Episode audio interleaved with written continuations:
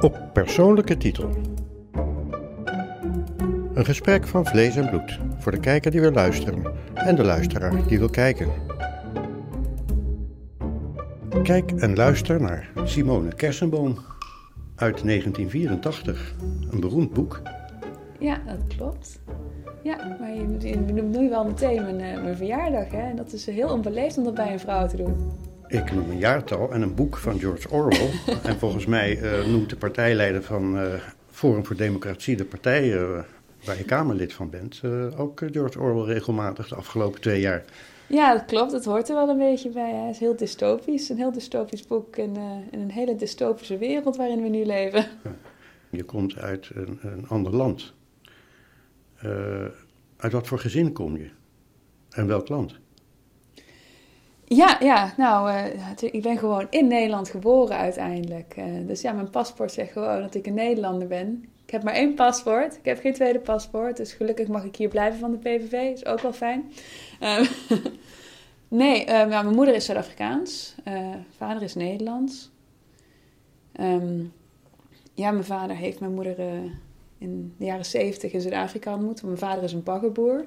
Uh, die, die was daar bezig in de jaren zeventig uh, om de haven van Port Elizabeth uit te graven. Daar, ze, heeft hij mijn moeder ontmoet. Love at first sight blijkbaar, zoals ik uh, het gehoord heb van mijn ouders. En toen moest mijn vader uiteindelijk terug naar Nederland. En hebben ze elkaar een tijdje niet meer gesproken. Want ja, het was de jaren zeventig. Er waren geen apps, geen e-mails. Dus alles was heel lastig via brief en kaartjes. En telefoontjes die toen nog heel duur waren, denk ik. En ze een tijdje geen contact meer gehad. En toen opeens had mijn moeder mijn vader een kerstkaart gestuurd. En mijn vader is gewoon meteen naar Zuid-Afrika vertrokken en is mijn moeder gaan halen. Wat, uh, hoeveel zat er tussen? Hoeveel tijd? Dat weet ik niet. Ongeveer een jaar of zo, of twee jaar dat dat toch tussen zat. Oh. Ja, dus, uh, ja, dus uh, soms blijft liefde toch gewoon een beetje hangen in het hart. dat je en heeft hij ooit verteld wat er toen gebeurd was met die love on first sight in Zuid-Afrika? Nee, nee, nee. Ik denk dat mijn ouders best wel feestbeesten waren en dat ze me dat niet durven te vertellen. ze wilden gewoon dat ik heel net blijf en er geen slechte ideeën van mijn ouders over heb. Dus uh, ik heb daar nooit veel van gehoord. Mijn vader heeft me wel een keer met gewoon. Ik ging altijd op zondagen, ging ik altijd met mijn vader. Um, deden we een coastal drive. Hè, want Port Elizabeth dat ligt aan de Atlantische Oceaan. Ja, en dan ging ik, als mijn vader thuis was van zijn werk, gingen we op zondagen altijd gewoon met de auto, reden we langs de kust, gingen we ergens lunchen. En ja, een paar keer heeft hij me ook laten zien waar hij gewoond heeft toen hij in Zuid-Afrika woonde. Uh, dat was dan het centrum van uh, Port Elizabeth. En ja, dan vertelde hij me altijd de verhalen van uh, wat ze allemaal deden en hoeveel kreeft ze gegeten hadden, dat helemaal niks kostte toen. Ja, en ik denk dat mijn vader daar ook nog hele mooie herinneringen aan heeft van zijn tijd. toen hij nog jong was en werkte in Zuid-Afrika. Ja, en hij haalde daar een vrouw op. Ja, klopt. Jouw moeder. Ja, ja, mijn moeder. Ja, mijn moeder is natuurlijk ook gewoon een typische Afrikaans verhaal. Is dat een Afrikaanse moeder, Engelse vader. Um, haar vader was best wel op een jonge leeftijd gestorven. Dus mijn oma had, moest voor vijf kinderen zorgen. Ja, ze was een, uh, een verpleegster in een snoepfabriek. Dus ze mocht uh, af en toe wat snoepjes meenemen voor de kinderen. Maar uiteindelijk zijn die vijf kinderen gewoon opgegroeid. Best wel een klein flatje. Een verpleegster in een snoepfabriek, dat snap ik ja. niet. Ja, ja, ze hadden waarschijnlijk ook gewoon uh, al die normale health and safety regulations uh, toen der tijd. Dus uh, zij was gewoon de company nurse. dus als okay. er een ongelukje was, mocht, mocht, zij dat verzorgen. Ja, dus mijn, mijn, mijn, opa was overleden toen mijn moeder 12 of 13 was. Dus best wel op een jonge leeftijd. Ja, dus zij zijn nogal ja, gewoon zonder vader opgegroeid. Maar ja, met mijn oma, maar gewoon in een mooie Afrikaner uh, buurt in Port Elizabeth. Ja, en, en, er was ook heel veel gevoel voor gemeenschap toen de tijd. Dus iedereen zorgde een beetje voor elkaar. En, en toen ontmoetten ze ja. een meneer uit, uh, uit Nederland. Uit een Nederland. baggerboer. Een baggerboer, ja. Een baggeraar dus. Ja, ja dus mijn vader uh, noemde dat altijd een baggerboer. En ik weet niet of dat gewoon lingo is uit die wereld zelf. Maar ik ben altijd opgegroeid met het woord een baggerboer.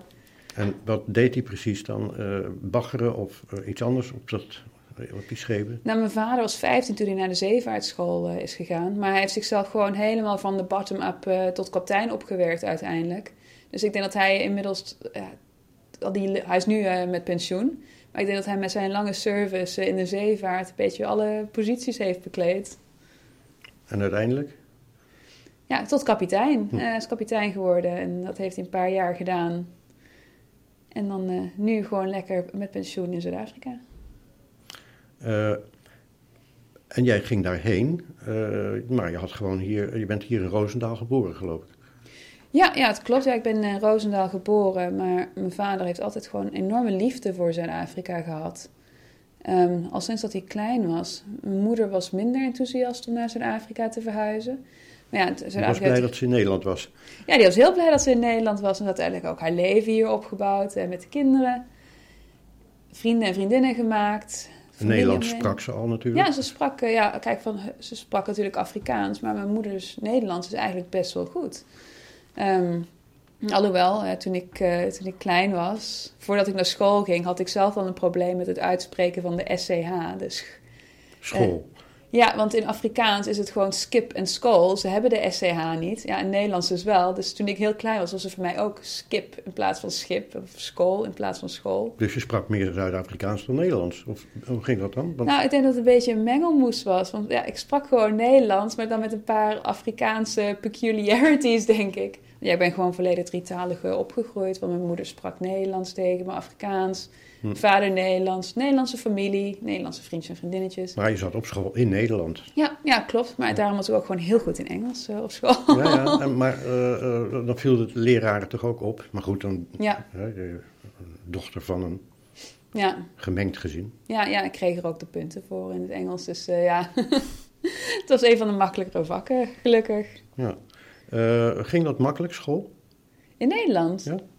Eh, jazeker. Ja, ik had gewoon een paar vakken waar ik altijd heel veel voor gevoel heb gehad. Maar ja, ik kom gewoon van de, geestes, van de geesteswetenschappen, dus geschiedenis. Nederlands was ik ook bizar goed in. Talen waren, ja, Engels, Nederlands, ja, wiskunde was altijd maar een uh, zwaktepunt voor mij. dat was mijn hele leven al zo. Ook op high school vond ik dat best wel lastig. Ik heb het wel als vak genomen, de hele... Is er nog, eh, eh, zijn er nog broers en zusters? Ja, ik heb een jonger broertje, die is acht jaar jonger. Ja, ik pest hem altijd een beetje dat hij een beetje de accident van de familie was. eh. ja, acht jaar jonger. Ik was ooit bedoeld dat ik een enig kind zou zijn. Dat heb ik ook heel lang genoten, vooral in Nederland, omdat ik geen neefjes of nichtjes had. Dus ja, als je echt de enige kind bent in een hele familie, ja, dan word je best wel spoiled. eh. Dus ja, ver- verwend. Verwend, eh, ja. er kwam ineens een broer die...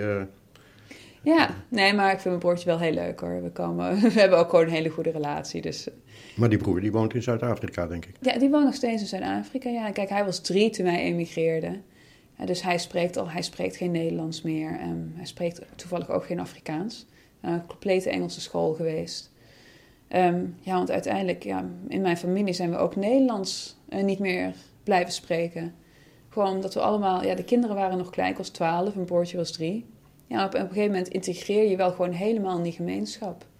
Even kijken, wie heeft nou welke paspoorten dan? Want eh, dan heeft die broer... Heeft hij nou een Nederlands paspoort? Of? Ja, mijn vader, mijn broertje en ik hebben alleen maar een Nederlands paspoort. Eh, alleen mijn moeder heeft een Zuid-Afrikaans en een Nederlands paspoort. Dus ze zijn eigenlijk toch in Zuid-Afrika buitenlanders. Ja, we zijn eh, permanent residents in Zuid-Afrika. Ja, klopt. Zou je niet merken. Nee, en een, een verscheurd gezin. Want Ja. waarom kies je dan toch voor Nederland? Ja, ja, kijk, Nederland bleef wel altijd een beetje mijn thuis hoor. Ik wist altijd dat er hier een land op mij, eh, voor mij klaar stond. Maar ja, ik, eh, ik heb een afgestudeerd in Zuid-Afrika, ik heb mijn PhD daar afgerond. Maar in Zuid-Afrika heb je natuurlijk ook last van affirmative action. Ehm, dat is die rechtstaande actie. Dus eh, binnen de universiteit is er een puntensysteem voor het aannemingsbeleid. Dus ja, een zwarte vrouw zou heel veel punten krijgen, een zwarte man, een kleurlingvrouw. Zuid-Afrika is heel erg op ras eh, gefocust. Daar hebben ze echt een obsessie mee. Dus er een hele hiërarchie van zwart, kleurling, Indisch, Chinees. Ja, en helaas, ehm, omdat ik ten eerste geen Zuid-Afrikaan ben, zouden ze, krijgt mijn universiteit geen punten om mij aan te stellen. Ja, en, mijn, en laten we heel eerlijk zijn, geschiedenisdepartementen in Zuid-Afrika zijn voornamelijk blank. Omdat ja, zwarte mensen die afstuderen met een PhD in geschiedenis, die gaan niet lesgeven op universiteit. Die gaan voor de overheid werken, want dan kun je veel, veel, veel meer verdienen. Ja, dus wie blijft er achter universiteit? Het zijn vooral dan die blanke oudere mannen. Ja, en dat moest natuurlijk veranderen. Het beeld moest gaan veranderen. Dus ze konden mij helaas niet aannemen. Ja, want je kwam eigenlijk eh, naar Zuid-Afrika op het moment dat daar de omslag was van het uh, ene apartheidssysteem naar het omgedraaide apartheidssysteem of iets. Hoe ja, ja dat klopt. Ja, ik, um, we zijn in 1996 uh, naar Zuid-Afrika geëmigreerd. Dus ja, dat is twee jaar na de eerste democratische verkiezingen in Zuid-Afrika. Ja, maar sindsdien is het gewoon heel langzaam aan meer en meer rasgerelateerde wetgeving in Zuid-Afrika um, van toepassing gekomen. Ja, dat je nu gewoon ja, in een land leeft dat meer rasgerelateerde wetgeving heeft dan tijdens apartheid. Dus ja, blanken worden nu gewoon systematisch gediscrimineerd in Zuid-Afrika. En dat is gewoon een werkelijkheid. En dat is dat kun je factchecken, dat is gewoon zo. Dus je was op die universiteit uh, succesvol. Uh, je haalde een dokterstitel uh, historica, geloof ik. Ja. ja. Um, maar je kon niet aan het werk. Of in ieder geval niet op de universiteit. Nee, dus dat is de reden dat je weer naar Nederland kwam? Ja, op een gegeven moment dacht ik, weet je, als dit land mij niet wil, nou dan pak ik gewoon mijn koffer en dan ga ik naar mijn andere thuis. Nou, wat vonden ze daar thuis van? Ja, mijn moeder vond het heel moeilijk. Ehm, mijn vader was daar meer positief over. Maar ja, het is gewoon een realiteit voor veel ouders in Zuid-Afrika op het moment dat ze gewoon beseffen dat als ze een beter leven willen voor hun kind, dat dat kind, dat je, dat, dat, dat je uiteindelijk afscheid moet nemen van dat kind. Dat gaat Zuid-Afrikanen, jonge Zuid-Afrikaners gaan voornamelijk naar Engeland. Ze gaan naar Australië, ze gaan naar Nieuw-Zeeland, ze komen naar Nederland. Maar dat zijn dan de blanken? Voornamelijk, ja. ja. voornamelijk. Er zitten natuurlijk ook heel veel zwarte en andere mensen komen ook naar, uh, naar het westen eigenlijk. Zo mag je het gewoon noemen. Om een beter leven te zoeken, minder criminaliteit, um, meer, um, ja, vooral voor blanken zijn er meer um, opportunities. Want dat leven, uh, je was gewend in Roosendaal te wonen. Ja. Toen zat je ineens in Zuid-Afrika. Een heel ander soort van wonen. Ja, ja, ik kan me nog heel goed herinneren dat um, toen mijn ouders een nieuw huis hadden gekocht.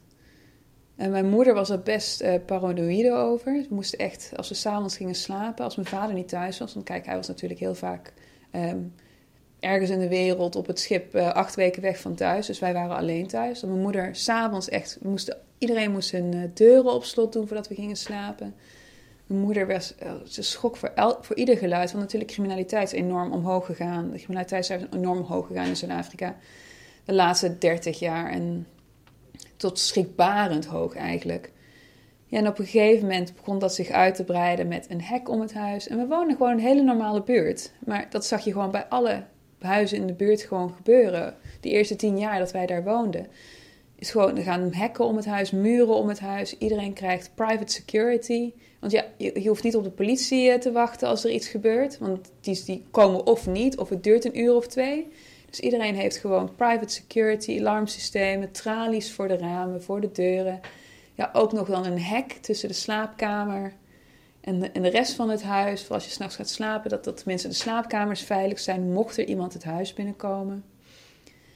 Ja, en het ergste daarvan is, is dat dat gewoon normaal wordt. Maar vond je dat ook normaal? Uh, moest je eraan wennen? Nee, ik, ik, ik, weet, ik kan me niet goed herinneren dat ik dat heel abnormaal vond. Je moest opeens wel wat voorzichtiger zijn. En je kon je ramen niet openlaten als je ging slapen. Allemaal van die kleine dingetjes. Maar ja, als je kind bent, dat, dat, dat accepteer je die veranderingen gewoon zo snel. Ja, en, en, en het wordt heel snel normaal. Maar je gaat uh, met uh, keurige kleertjes, netjes gekamd. Dat moet allemaal met uniformen en uh, het Engelse systeem. ja. strenge school. Dan ga je naar die scholen toe, ook al in een andere setting. Hè? Hoe, kom je op die school dan? Vanuit dat huis. Dat is natuurlijk ook onveilig dan, de straat over. Nou, dat viel best wel mee. Ik woonde heel dicht bij mijn school, dus ik mocht gewoon naar school lopen. Maar op een gegeven moment werden ook heel veel. Um, was eigenlijk was na mijn tijd. Maar uh, dat um, kinderen vooral werden um, aangevallen voor hun mobiele telefoons. Dus dat is ook natuurlijk gestopt. Maar in mijn tijd kon ik gewoon nog wel naar school lopen. Ja, het was 200 meter naar mijn school of zo. Dus dat viel best wel mee. Maar ja, we hebben natuurlijk geen cultuur in Zuid-Afrika dat je met de fiets overal naartoe gaat. Kinderen in Nederland hebben enorm veel vrijheid, omdat ze gewoon met de fiets overal naartoe kunnen. Ik weet het nog heel goed, hè? ik mocht met de fiets naar school, naar het zwembad, even de stad in met de vriendinnetjes. Ja, ik was 12 en dan ga je dat soort dingen doen. Dragen wat je wil op school. Dragen wat je wil op school, dat is natuurlijk ook heel anders. Ja, in Zuid-Afrika heb je die vrijheid gewoon niet als kind. We hebben wel grote tuinen waar je kunt spelen als je klein bent. Maar op een gegeven moment als je een tiener wordt, ja, dan, ben, dan moeten je ouders je maar naar de shoppingmall nemen. Want dat is een beetje de enige outlet um, die kinderen op die leeftijd hebben in Zuid-Afrika. Ja, en dat is best wel triest. Dus dan, ga je, dan word je een beetje een mall-rat, hè, zoals ze dat noemen. Dan ga je gewoon het winkelcentrum rondhangen. Ja, ja, klopt. Beetje dezelfde cultuur. Wat is dat? dat is er geen uitgaansleven? Dat is er toch wel? Ja, maar dat is pas als je 18 bent. Oh, op die fiets. Ja, dus uh, de, tijd dat je een puber bent, ja, je mag naar de kerk gaan. ja, je mag naar de shoppingmall gaan, je mag naar de film gaan. Ja, en dan, eh, ik woonde gelukkig aan de kust, dus wij mochten ook naar de beachfront. Dan hadden ze op een zondag altijd van die winkeltjes uh, staan. En dat mocht wel. En naar de kerk deden jullie dat? Uh, ik wel, ja. ja. Mijn ouders niet zozeer, maar uh, ja, ik, ik, uh, ging regel, ik ging bijna elke zondag naar de kerk. Ja, je kijkt ja. erbij alsof je ervoor schaamt. ja, de katholieke nee. kerk neem ik aan. Nee, nee, nee, nee het was een protestant, protestantse kerk. Ja, nee, ja, ik, kom uit de, ik kom uit een katholieke achtergrond, maar ik ging naar de protestantse kerk. Hoe kwam dat? Ik bedoel, hoe kwam je op die, die protestantenkerk? Dat heeft oh, te maken met Zuid-Afrika? Ook gewoon via school. Uh, wij hadden op school nog um, elke woensdagochtend en uh, donderdag en vrijdagochtend hadden we uh, bijbelklas voordat we met school begonnen. En op school zongen we ook hymns. Hè. We hadden op maandagochtend hadden we assembly. Moet je ook, gingen we ook die hymns zingen. Ja, religieuze liederen. Ja, religieuze liederen. Um, hè, we, we, we, ze bidden nog op school. Je krijgt gewoon de lessen van de Bijbel mee. Dat hoort er gewoon allemaal bij. En dat is heel normaal. En vooral voor onder de jongeren is er een hele grote jeugdbeweging die ook zich ook binnen de kerk beweegt. Dus dat jongeren zich daarbij kunnen aansluiten en leuke dingen doen met andere jongeren. Ja, omdat wij die vrijheid niet hebben om andere dingen te gaan doen. Ja, en de meeste Afrikaners worden echt heel streng opgevoed. Dus die gaan ook echt niet drinken of ergens naartoe voordat ze 18 zijn en dat het mag. Hm. Ja, dan, dan is dat één manier om iets te kunnen en mogen doen. En ik ging dus, omdat ik bij de kerk betrokken was, had ik elke woensdag uh, hadden zo'n bijbelgroepje. Uh, ja, dan kwam je samen met jongeren en dan ging je bij iemand thuis uh, koffie drinken en het over de Bijbel hebben. Hm, maar ben je inderdaad religieus? Of was het een outlet om, ik ga nu ook Afrikaans praten, of was het een, eh, een manier om een sociaal leven te hebben? Ik denk een beetje beide hoor. Want ja, ik voelde me wel heel religieus en ik las ook mijn Bijbel elke avond. Maar dat was een beetje een bijproduct, denk ik. Van ten eerste aansluiten omdat je een beetje meer sociaal leven wilt buiten school. Want ja, ons schoolleven is ook heel druk, omdat ja, in Zuid-Afrika het is niet alleen dat je naar de klas gaat. Onze scholen zijn echt gemeenschappen. Um, we waren verplicht om sport te doen. Dus je moest een sport spelen, dat doe je altijd na school en op school. Want we hebben natuurlijk al die hele grote velden. Um, ja, we hadden, je, je, moest ook een hobby kiezen op school. En dat werd dan ook aan het einde van de dag, moest je dan weer iets gaan doen. Dat kon echt, al het, wat je allemaal kan denken van EHBO to etiquette. Ja, dat waren allemaal van die, van die kleine dingen waardoor wij altijd bij de school betrokken waren. Ja, en, en, en ja, dat, ik moet zeggen, dat, dat, dat mis ik wel een beetje hier uh, in Nederland. Dat idee van gemeenschap. kwam uit een heel andere uh, setting, ja. hè? school, ja, het is... Ja, en jij tegen de leraar en weet ik wat allemaal. Ja, precies. En in Zuid-Afrika is dat echt heel anders in dat systeem. Want ja, als een leraar de klas binnenloopt, moet je opstaan. Say, good morning, sir, or good morning, ma'am. Ja, leraar wordt op de achternaam aangesproken, of sir of ma'am. Je moest altijd een rijtje gaan staan voordat je de klas binnen mocht. Ja, en uh, heel zwaar onderwijs, vergeleken met hier. Ja, normaal onderwijs. Nou ja, ik bedoel... ja, wij focussen nog gewoon op de vakken. Dat, dat, uh, hier krijg je al die rare dingen erbij, zoals maatschappijleer. En bij ons was het gewoon ja, Engels, Afrikaans, wiskunde, scheikunde, geschiedenis, aardrijkskunde. Ja. En de geschiedenis beviel het best? Ja, bij mij wel in ieder geval. Ja. Ja, het was wel een van mijn beste vakken, samen met Afrikaans. Je spreekt erover alsof je uh, dat leven, uh, dat hele strenge, ja, haast orthodoxe leven, meer apprecieert dan de vrijheid hier. Of de, de, nonchalance van, van, ja, trek maar wat aan, het is altijd goed. Ja, ik denk uiteindelijk, toen ik een tiener was, eh, je klaagt altijd over je uniform, dat het zo saai is. Maar ik denk dat het uiteindelijk wel betere burgers uh, creëert. Hè? Dat idee van gemeenschap op school, dat je bij altijd bij elkaar en voor elkaar zorgt. Dat je onderdeel bent van iets. En dat laat de uniform zien, dat laat die assemblies op een maandagochtend zien.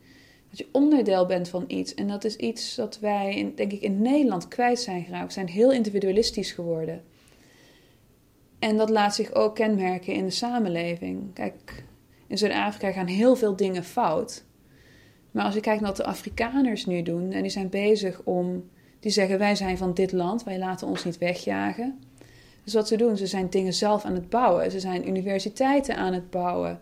Ze zorgen voor hun eigen veiligheid, hun eigen sociale welvaart, hun eigen economie. Daar zijn ze allemaal mee bezig, maar omdat ze vanuit gemeenschap denken. En dat is iets dat, we, dat je in Zuid-Afrika meekrijgt vanaf dat je kind bent. Dat je onderdeel bent van iets groter dan jezelf. En, en, en dat mis ik. Um, als je dat ook ziet in de scholen nu in Nederland, hè, dat idee dat, we, dat, dat, dat paasontbijt te veel wordt, dat het te veel voor de leraren. Ik heb eigenlijk een hele mooie herinnering aan mijn katholieke basisschool in Nederland. Hè, kerststukjes, we gingen naar de kinderboerderijen met de kerst om kerststukjes te maken. Met Pasen, ja, was palmpasen natuurlijk in het katholieke zuiden. Dan kreeg je zo'n stok en dan mocht je een broodje bakken, een kuikentje of zo was. Palm, palm, Pasen, eikoerij. Ja, ja en, en, ik heb daar nog hele mooie herinneringen aan. Ze zijn gewoon dat gevoel creëren dat, dat, dat je roots hebt ergens, je wortels hebt ergens. Dat, je, ja, dat, dat, dat, dat de geschiedenis verder gaat dan jijzelf. Dat alles die, die dingen betekenis hebben. Wel raar, want je, je komt toch uit een verscheurd gezin. Want uh, op enig moment denk je toch, ik uh, ga naar Nederland. Terwijl je broer blijft daar. En je ouders. Ja. Ja, maar ja, dat, ja hebben wij dit punt niet al... Ik denk dat we dit punt al besproken. Nee, nee, nee dat niet. Nee. Er komt het enig moment, hè, de studie uh, uh, geschiedenis doe je. Ja. En je had daar dus gewoon eigenlijk kunnen blijven als uh, dokter in de geschiedenis. Ja, dat was natuurlijk een beetje lastig, omdat ik geen baan kon vinden door mijn... door huiskleur en door het feit dat ik geen Zuid-Afrikaner was. Want ja, in de universiteit heb je dus dat puntensysteem... Um, dat is gebaseerd op ras. Dus een zwart, als je een zwarte vrouw aanstelt, krijg je zoveel punten. Zwarte man zoveel punten. Helemaal op ras gebaseerd, van top to bottom. Ja, en ik stond helemaal onderaan omdat ik geen Zuid-Afrikaner ben, dat ook nog.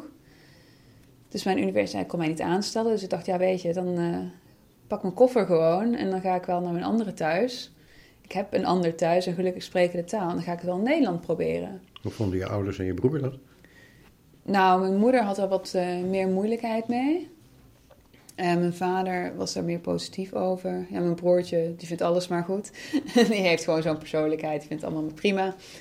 Maar het is wel een realiteit die heel veel ouders uh, in Zuid-Afrika uh, mee geconfronteerd worden. Want en ze weten dat ook, dat ze uiteindelijk, omdat er zo weinig um, ja, mogelijkheden zijn, voor, voor, voor, vooral voor blanke kinderen in Zuid-Afrika qua werk dat ze uiteindelijk afscheid moeten nemen van hun kinderen. Ja, ze gunnen hun kinderen een betere toekomst en ze beseffen dat. Maar ja, het blijft natuurlijk moeilijk als ouder om afscheid te nemen van je kind. Want je weet niet wanneer dat kind terugkomt. Want kijk, veel um, blanke Zuid-Afrikaners, jonge blanke Zuid-Afrikaners, die gaan naar Engeland, die gaan naar Nederland, die gaan naar Australië, die gaan naar Nieuw-Zeeland. Om een beter leven um, te creëren voor zichzelf. En je merkt wel, heel veel mensen hebben dan wel heimwee naar Zuid-Afrika. Maar ik denk dat is, een, dat is met iedereen. Je hebt altijd heimwee naar thuis.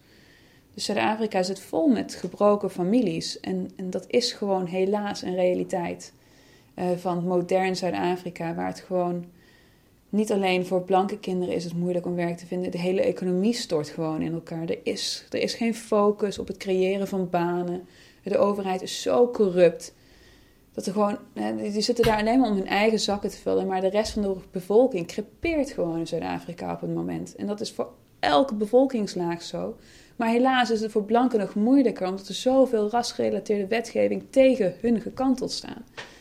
Maar nu zitten je ouders daar. Ja. En je broer. En het Zuid-Afrikaanse deel van de familie. Je hebt hier nu alleen uh, het Nederlandse deel van je vaders familie ja. om je heen. Ja. En natuurlijk, uh, uh, ik mag je feliciteren, want je bent zwanger. Ja, klopt. Heel kort. Ja, ja nou... Uh, Hoeveel ben, maanden? Ik ben nu vier maanden zwanger. Oeps, ja. Ja, oeps. ja, ja, dat dacht ik ook. oh, nou ja, dat was toch wel de bedoeling? nou, nou, dat was niet echt de bedoeling. Maar ja, soms, soms gebeuren er gewoon dingen. Ja, en dan, dan pas je je leven daaraan aan. Maar we zijn wel gelukkig hoor, dat, daar, daar niet van. Je kan niet zomaar zwanger worden. Nee. nee, nee, dat klopt. Nee, maar het, het, stond nog niet in de planning. Maar het is gewoon wat eerder gebeurd dan, uh, dan verwacht. Je hebt een man, je bent getrouwd? Ik ben verloofd. verloofd. Ja, verloofd nou ja, net goed. voor corona. En, uh, ja. en toen kon je dat niet eens melden in Zuid-Afrika, althans niet persoonlijk? Nee, nee, precies. Dus alles was altijd via... Ja, dat moet ook what... wat zijn, want nu ga je dus wel echt dat verschil merken. Dat je ouders er niet zijn. Ja, ik moet heel eerlijk zeggen, en voor mijn ouders is het ook het moeilijkste geweest, denk ik, is, is de zwangerschap. Want ja, dit is hun eerste kleinkind. En opeens moet je dat melden, gewoon via een WhatsApp uh, videocall. Van, uh, hi mom en dad. ja, dus die dachten dat we gingen zeggen dat we uiteindelijk gingen trouwen. Nou, dat was dus niet het nieuws. Dus we hebben een stapje overgeslagen. Maar ja, mijn moeder zat gewoon te huilen, mijn vader bijna ook. Ja, en ze missen natuurlijk ook die hele zwangerschap. En normaal is dat leuk, vooral voor een moeder, om met haar dochter mee te gaan. En dan merk je opeens wel hoe groot die afstand is. Um, ja, ja, onbetaalbaar ook. Ja, ja, maar gelukkig ga ik nu in april weer naar Zuid-Afrika. En ik weet, mijn moeder is nog nooit terug geweest naar Nederland. Sinds dat, ze, sinds dat we geëmigreerd zijn. Nu komt ze voor het eerst wel in september. Uh, dat is een uitgerekende datum, dus komt, komen ze wel naar Nederland. Dus ja, het, het maakt de wereld heel anders uh, opeens. Ik weet nou, opeens. Ik bedoel, dat is die scheiding waar ik het net over had. Ja. Je hebt een totaal, ja, eh, je hoeft het niet als een probleem te zien, maar het is toch anders dan ja. bij veel andere mensen. Je hebt niet een, alleen een worteling in Nederland en een worteling hier met je uh, familie. Ben je van jongs af aan kennelijk gewend. Ja. ben je wel gelukkig?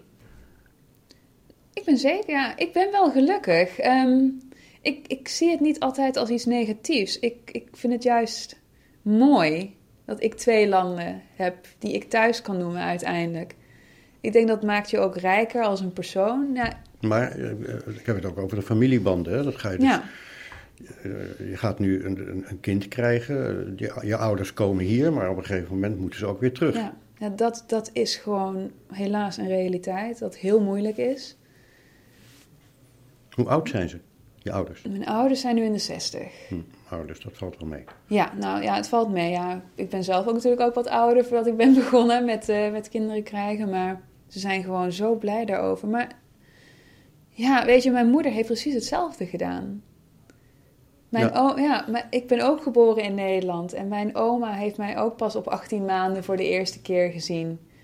Um, en daarna een paar keer toen we op vakantie gingen naar Zuid-Afrika. En is uiteindelijk ook overleden toen ik tien was. Dus ja, die band heb je dan niet. Maar ja, het, misschien klinkt dat heel raar voor jou, Ernst. Ik weet het niet, maar voor mij is het gewoon normaal. Ja, dus de, dit, dit de is. Het, dit, dit, is het leven. Um, zoals wij, zoals ik die invulling geef en zoals mijn familie die invulling geeft.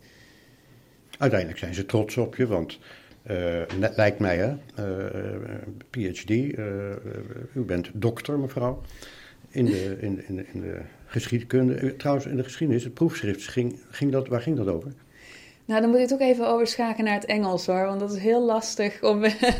nou ja, niet hele het proefschrift te horen, maar nee. wat was het onderwerp? Ja, dat was dus um, ja, de Post-Foundational Mythology Creation of Post-Apartheid South Africa. Dus ik heb gekeken naar de ontstaansmythes van de post-apartheid Zuid-Afrika. Dus na 1994, hoe heeft de ANC een nieuwe ontstaansmythe opgericht om zichzelf te legitimeren, omdat ze falen in het heden. Dus, dus hoe uh, hebben ze de geschiedenis aangegrepen en die herschreven uh, in het heden? En toen ontmoette je hier in je nieuwe functie uh, bij, de, bij Forum voor Democratie Martin Bosma. Ja, klopt.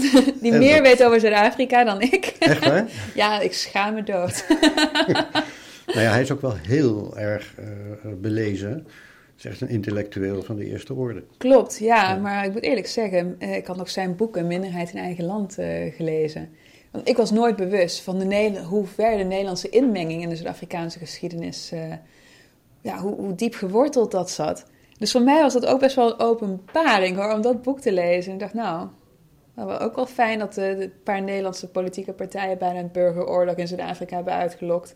Ja, toen, maar hoe, hoe kom je dan, want is dat uh, beschrijft dat nou nationalisme of uh, uh, kolonialisme, kolonialisme, dat, die studie? Mijn, mijn proefschrift?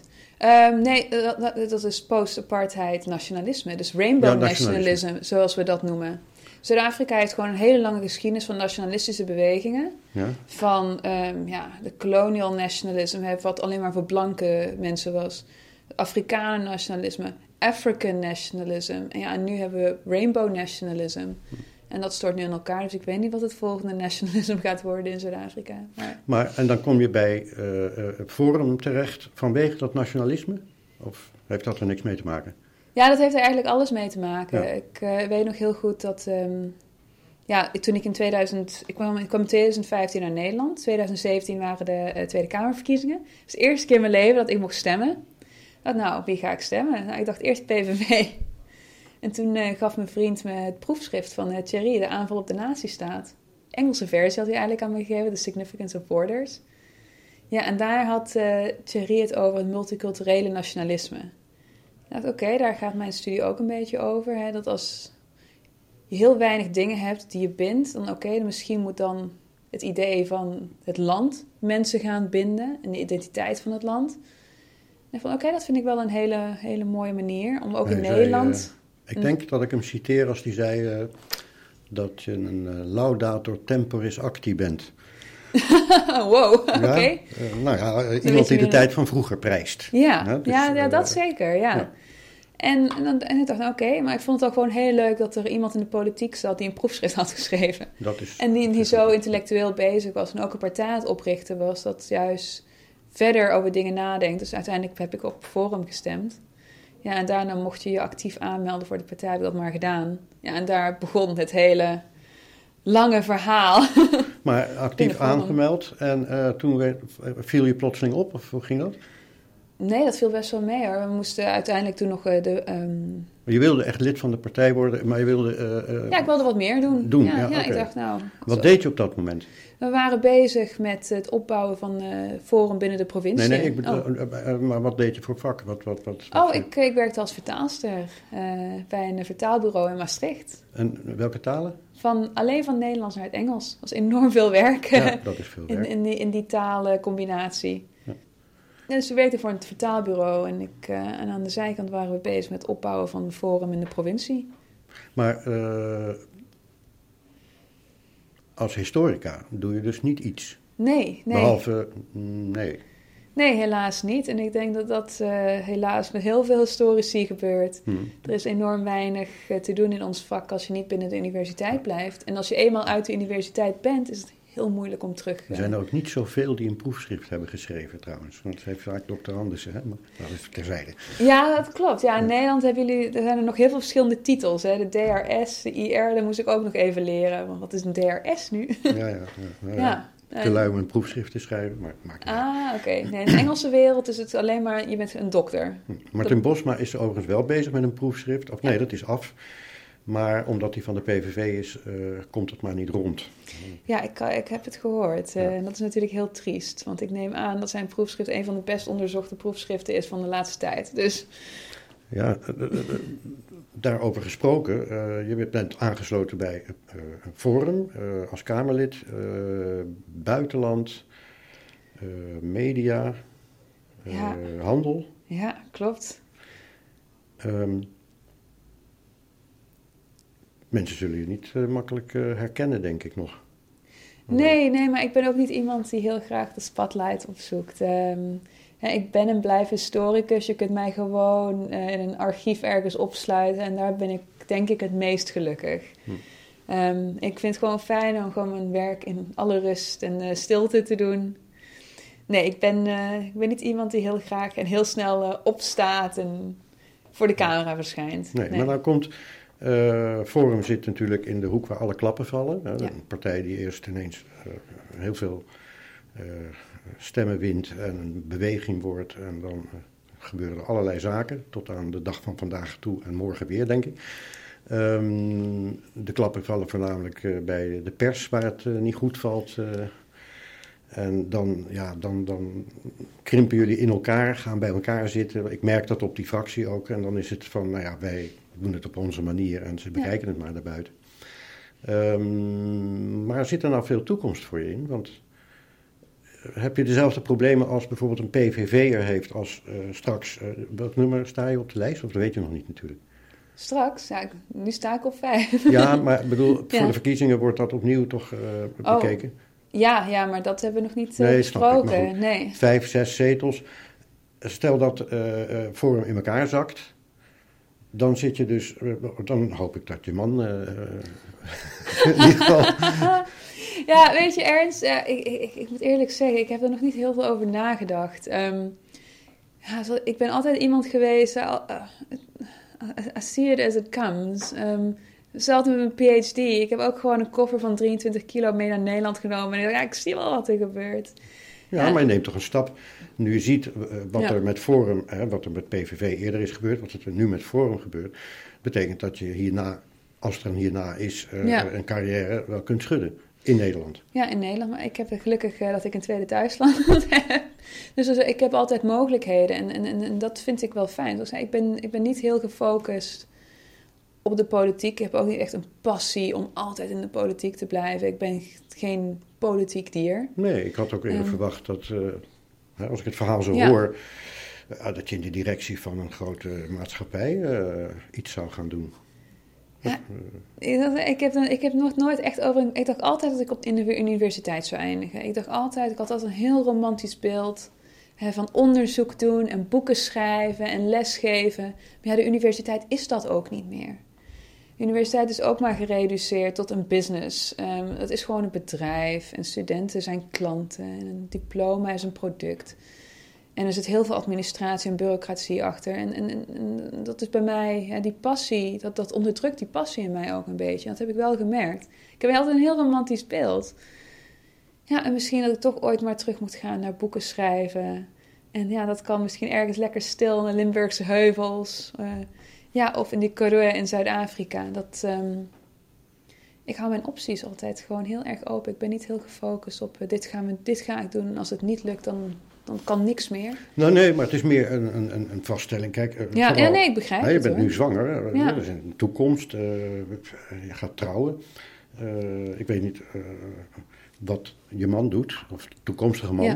Eh, of die voor het hele gezin al genoeg binnenbrengt dat jij een boek kan schrijven straks. Maar eh, eh, de kans dat je ja, of bij Forum doorgaat, want Ja. dat wil je dan wel. Hè? Bedoel, Ja, we hebben natuurlijk ook gewoon een hele leuke internationale tak bij Forum, die ik heel interessant vind om internationale banden aan te halen. Dat vind ik, dat vind ik enorm leuk werk. Daar behoud ik me ook heel veel bezig binnen Forum op het moment. Ja, ik, het is, er is gewoon een plethora, in het Engels zou je zeggen, van, van opties. En ja, in het Afrikaans hebben ze altijd een hele leuke gezegde. Dan zeggen ze allemaal, alles zal recht komen. alles zal recht komen. Alles zal recht komen. Het is niet eens Zuid-Afrikaans, het is ook vrij eh, boers hier. Maar, alles zal maar het is komen. waar, alleen eh, Ja. je neemt eh, eh, bewust dus risico's, want je hebt je aangemeld bij de partij, vertelde je. Je komt dan binnen en je wilde meer en dat kreeg je ook. Ja. Totdat aan Kamerlid aan toe en statenfractieleider geloof ik Ja, in Limburg. statenlid, ja. Ehm, Nee, maar ik denk je moet ook... maar je bent geen politiek dier. Nee, maar ik denk... Je wilde iets anders in die politiek. Ik denk dat het juist, hè, dat idee dat, dat, dat, dat, dat je je ook inzet voor iets dat gewoon heel belangrijk is. Kijk, we hebben natuurlijk ook gehad over dat idee van gemeenschapsgevoel, van ja, palmpasen en kerststukjes maken op school. En ja, we zien natuurlijk allemaal heel langzaam aan wegglippen hier in Nederland. En ik denk dat dat was juist mijn grootste drijfveer om me wel politiek betrokken te maken in Nederland. Want kijk, je ziet natuurlijk hoe Zuid-Afrika eruit ziet als land, wat er daar gebeurd is. Het Westen, Europa, Nederland volgt hetzelfde traject. Ja, en, en, en denk je gewoon een beetje als ervaringsdeskundige, misschien kan ik toch nog iets betekenen voor mijn geboorteland, om toch nog iets kleins proberen te behouden.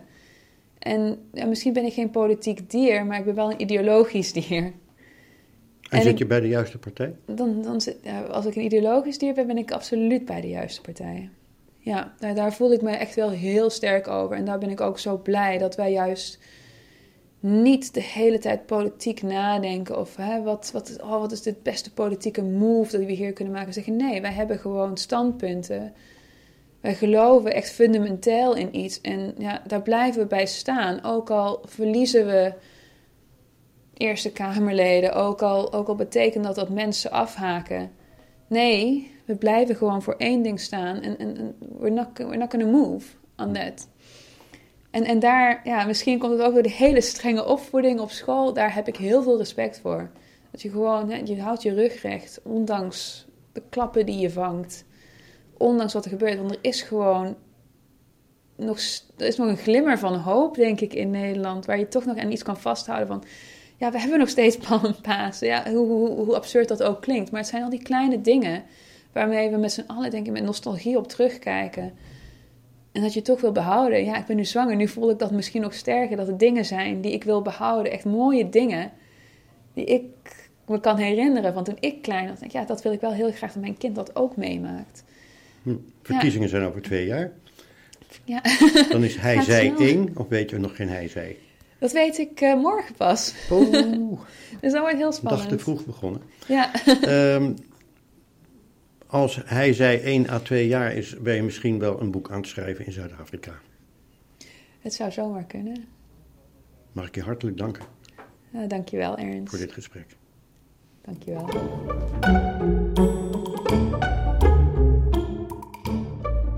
U heeft geluisterd naar Op Persoonlijke Titel. Samenstelling Ernst Lissauer. Vormgeving, branding en online productie Carlos Jurissen. Zakelijke leiding Jan Riemens.